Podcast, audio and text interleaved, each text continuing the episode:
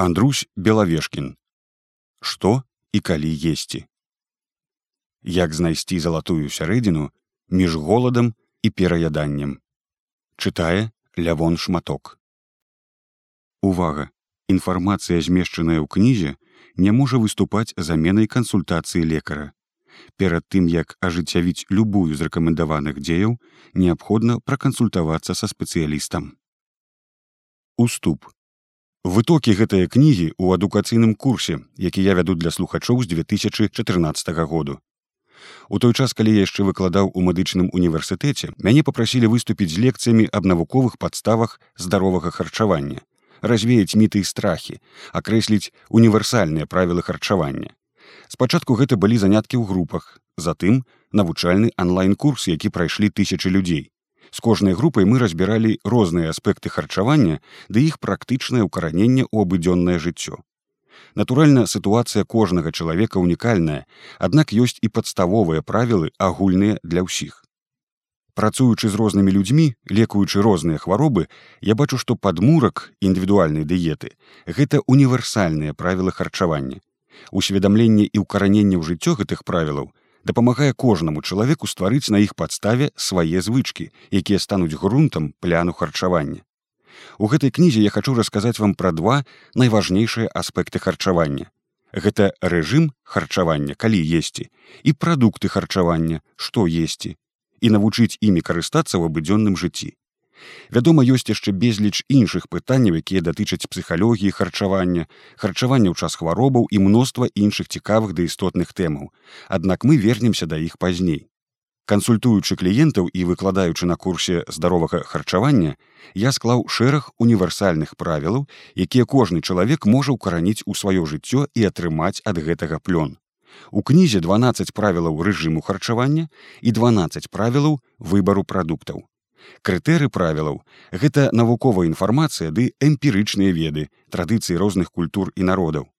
Кожная парада выпрабаваная тысячагадовым чалавечым досведам і пацверджаная навуковымі даследаваннямі. Кожнае правіла мае розныя ступені практыкі. Вы можете пачынаць з лёгкага варыянту і рухацца ў бок складанага Цяпер у дыеталогіі выходзіць безліч размаітых кніг, але да кансэнсусу яшчэ далёка. Адныя выданні павялічваюць колькасць дыеталагічных мітаў, іншыя гэтыя міты развейваюць. Нехта спасылаецца на асабісты досвед, хтосьці заклікае яго ігнараваць і абапірацца адно на доказную медыцыну, А вось трэцяе даводзіць, што большасць навуковых даследаванняў у гэтай галіне фундуецца харчовымі вытворцамі. Дый апроч іх шмат хто яшчэ зацікаўлены ў лекаванні, а не ў прафілактыцы захворванняў чацвертыя фокусуюцца толькі на асабовых адметнасцях і падборы індывідуальнага харчавання. Пятыя раяць кінуць усё гэта і есці інтуітыўна. Усё гэта нагадвае індыйскую прыпавесць пра слана сляпых мудрацоў. Аднойчы ў горад прывезлі слана і кожны мудрэц пачаў яго абмацваць. Першы памацаў хобат і сказаў што слон гэта змяя. Другі памацаў вуха і сказаў што слон гэта махала. Трэці нагу і вырашыў што слон гэта калёна чацверты схапіў хвост і сказаў што слон гэта кутас. Хто з іх мае рацыю? Кожны кажа слушна і няслушна адначасова. Таму варта прытрымлівацца залатой сярэдзіны беручы пад увагу і навуковыя рады і традыцыйнае харчаванне і свае асабовыя адметнасці і перавагі. Праз гэта я вырашыў напісаць кнігу выглядзе асобных раздзелаў, кожны з якіх з'яўляецца інструментам правілам для самастойнага прымання харчовых рашэнняў. Кожнае правіла гнуткае. Любы чалавек можа самастойна яго карыстаць і ўкараняць у свой лад жыцця. На жаль, шматлікія плыні ў дыеталогіі уяўляюць сябе радыкальныя скрайнасці, але ёсць і сярэдзінны шлях, які дазволіць вам плённа карыстацца рознымі стратэгіямі. Вы можете атрымліваць карысць як з калярыйнай ежы, так і з голаду, як з тлушчу, так і з вугляводаў. Прынцып сярэдзіннага або залатога шляху гэта той стыль харчавання, які вам зручны, задавальняльны і карысны для здароўя. І гэта рэальна без скрайнасцяў і фанатызму. Кожная з 24 частак пабудаваная паводле аднаго прынцыпу. Спачатку мы разбіраем гісторыю пытання, даведваемся, як людзі елі раней, да чаго адаптаваны наш арганізм і што змянілася цяпер. Затым мы коротко разбяромся, як менавіта гэтае харчовае правіла ўплывае на наше здароўе. Вы даведаецеся, што прадукты і рэжым харчавання моцна ўплываюць на наш арганізм на ўсіх узроўнях. Яны ўплываюць на неўрахімію мозгу, спрыяючы выпрацоўцы звычак і прыхільнасцяў, на працу гармонаў і адчувальнасць тканін да іх, на працу імуннай сістэмы, на актыўнасць генаў і шматлікае іншае. Многія з гэтых эфектаў праяўляюцца не адразу, а праз доўгія гады. У трэцяй частцы кожнага раздзелу кароткая фармулёўка харчовага правіла і ўзроўні яго складанасці, а пасля гэтага набор парадаў і ідэй для яго больш паспяховага ажыццяўлення. Вы можете пачаць чытанне з любой часткі, бо кожнае правіла працуе, нават калі вы карыстаецеся ім асобна. Ды лепей, калі вы будете чытаць па адным раздзеле ў дзень і выкарыстоўваць прачытанае на практыцы. Так чытанне кнігі зойме ў вас амаль месяц, за які вы набудзеце шмат простых і карысных харчовых звычак. Здаровыя харчовыя звычкі гэта ключ да даўгалецця. Няхай змены будуць невялікімі, але іх моц у штодзённым паўторы у назапашвальным эфекце бо шматлікія сучасныя хваробы такія як сардэчна-сасудістыя атлусценне рак неўрадэгенератыўныя захворванні само па сабе старэння не ўзнікаюць за адзін дзень а развіваюцца працяглы перыяд. Таму важна думаць пра сваё харчаванне ў доўгатэрміновай перспектыве бо нашее жыццё гэта не спрынт схуднець да лета а маратон быць здаровым ды энергічным доўгія гады і прадухіліць ранняе старэнне Усе дыеты падобны тым, што працуюць у кароткатэрміновай перспектыве і правальваюцца ў доўгатэрміновай. Чаму? Таму што правільнае харчаванне гэта лад жыцця. Мы будзем гаварыць і пра тое, як уплываюць на наш метабалізм стрэс, святло, тэмпература, фізічная актыўнасць, нават настрой. Так вы пачулі слушна, радасць сапраўды спальвае тлушч.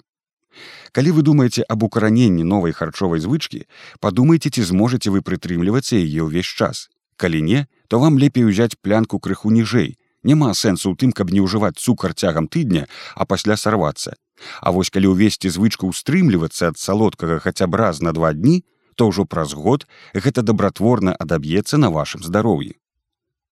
Кожны дзейсны інструмент уплыву на здароўе мае пабочныя эфекты. Ежа не выключэнне. Сёння існуюць дзве супрацьлеглыя тэндэнцыі. Гэта харчовая залежнасць, пераяданне і артэрексія. Таму перадусім я хачу даць вам некалькі правілаў тэхнікі бяспекі. Першае. Вашае здароўе найвышэйшы прыярытэт, таму сумнявайцеся ў любой інфармацыі у тым ліку і ў той, якую даю я. Памятайце, што агульныя правілы ў вашым канкрэтным выпадку могуць мець індывідуальныя нюансы. Стаўцеся да інфармацыі як даследчык, эксперыментуйце і прымайце ўзважанае рашэнне. Другое. Не ўсё будзе зразумела і магчыма зрабіць з першага разу. Гэта нармальна. Вучыцеся на сваіх памылках, рабіце высновы, знаходзьце свае слабыя месцы. Гэта дазволіць вам больш эфектыўна дзейнічаць у будучыні. Кепская не памылка, а тое, што вы нічому не навучыліся. Трэцяе пачуццё гумару. Стаўцеся да ўсяго прасцей і не забывайцеся пасмяяцца, у тым ліку і з сябе. Калі вам не смешна, дык вы ўсталі на шлях, што вядзе да парушэнняў харчовых паводзінаў. Вы заўсёды ўсё можете з'есці. Ежа гэта выдатная крыніца энергіі, а не зло. Проста трэба з ежай акрэсліць межы для вашага агульнага добра. Чацвертае. Не ўласце ў спрэчкі наогул будьце партызанам у пляне зменаў харчавання, але дапамагайце тым, хто шукае дапамогі. Многія людзі і аўтары будуць пераконваць вас, што толькі іх схема харчавання адзіная слушная ў свеце. Памятайце, што існуе мноства варыяцый здаровага харчавання і ваша мэта знайсці такую для сябе асабіста. Устрымлівайцеся ад маральнай ацэнкі людзей паводле таго, што яны ядуць. Не лічыце сябе лепшым за іншых, калі есцё правільна. Гэта артарексія. Вы асабіста ды іншыя людзі, не лепшыя і не горшыя праз розны змест талерак.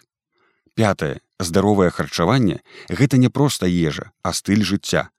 Гэта стравы з дзяцінства, гэта хатнія рытуалы, гэта новыя месцы, гэта прыемная кампанія сяброў, гэта тое, што прыносіць вам глыбокае задавальненне і радасць ад жыцця.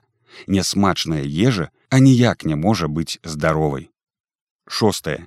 Знайдзіце балянс паміж гнуткасцю ды стабільнасцю, выпрацоўвайце правілы і прынцыпы а не прывязвайцеся да пэўных прадуктаў ці рэцэптаў але адначасова з гэтым напрацуйце смачныя рэцэпты з прадуктамі якія заўсёды ёсць у вас под рукой дынамічна змяняйце рацыён у залежнасці ад сезону фізычнай актыўнасці і запатрабаванняў арганізму сёмае Здаровае харчаванне пачынаецца не з панядзелка, а са сняданку. Паспрабуйце не мяняць рэзка свой рацыён, дзейнічайце паступова. Нам цяжка адначасова ўкараняць больш за тры звычкі, хоць канчатковае іх выспяванне ў мозгу займае да трох месяцаў. А перагрузка адно ўзмацняе стрэс і рызыку зрыву. Памятайце пра этапы зменаў, пра абмежаванасць сілы волі, сілу звычкі і важнасць малых, але штодзённых дзеяў. Дзейнічайце мякка, але настойліва. Кожны прыём ежы гэта магчымасць трэнавання для выпрацоўкі новых карысных звычак.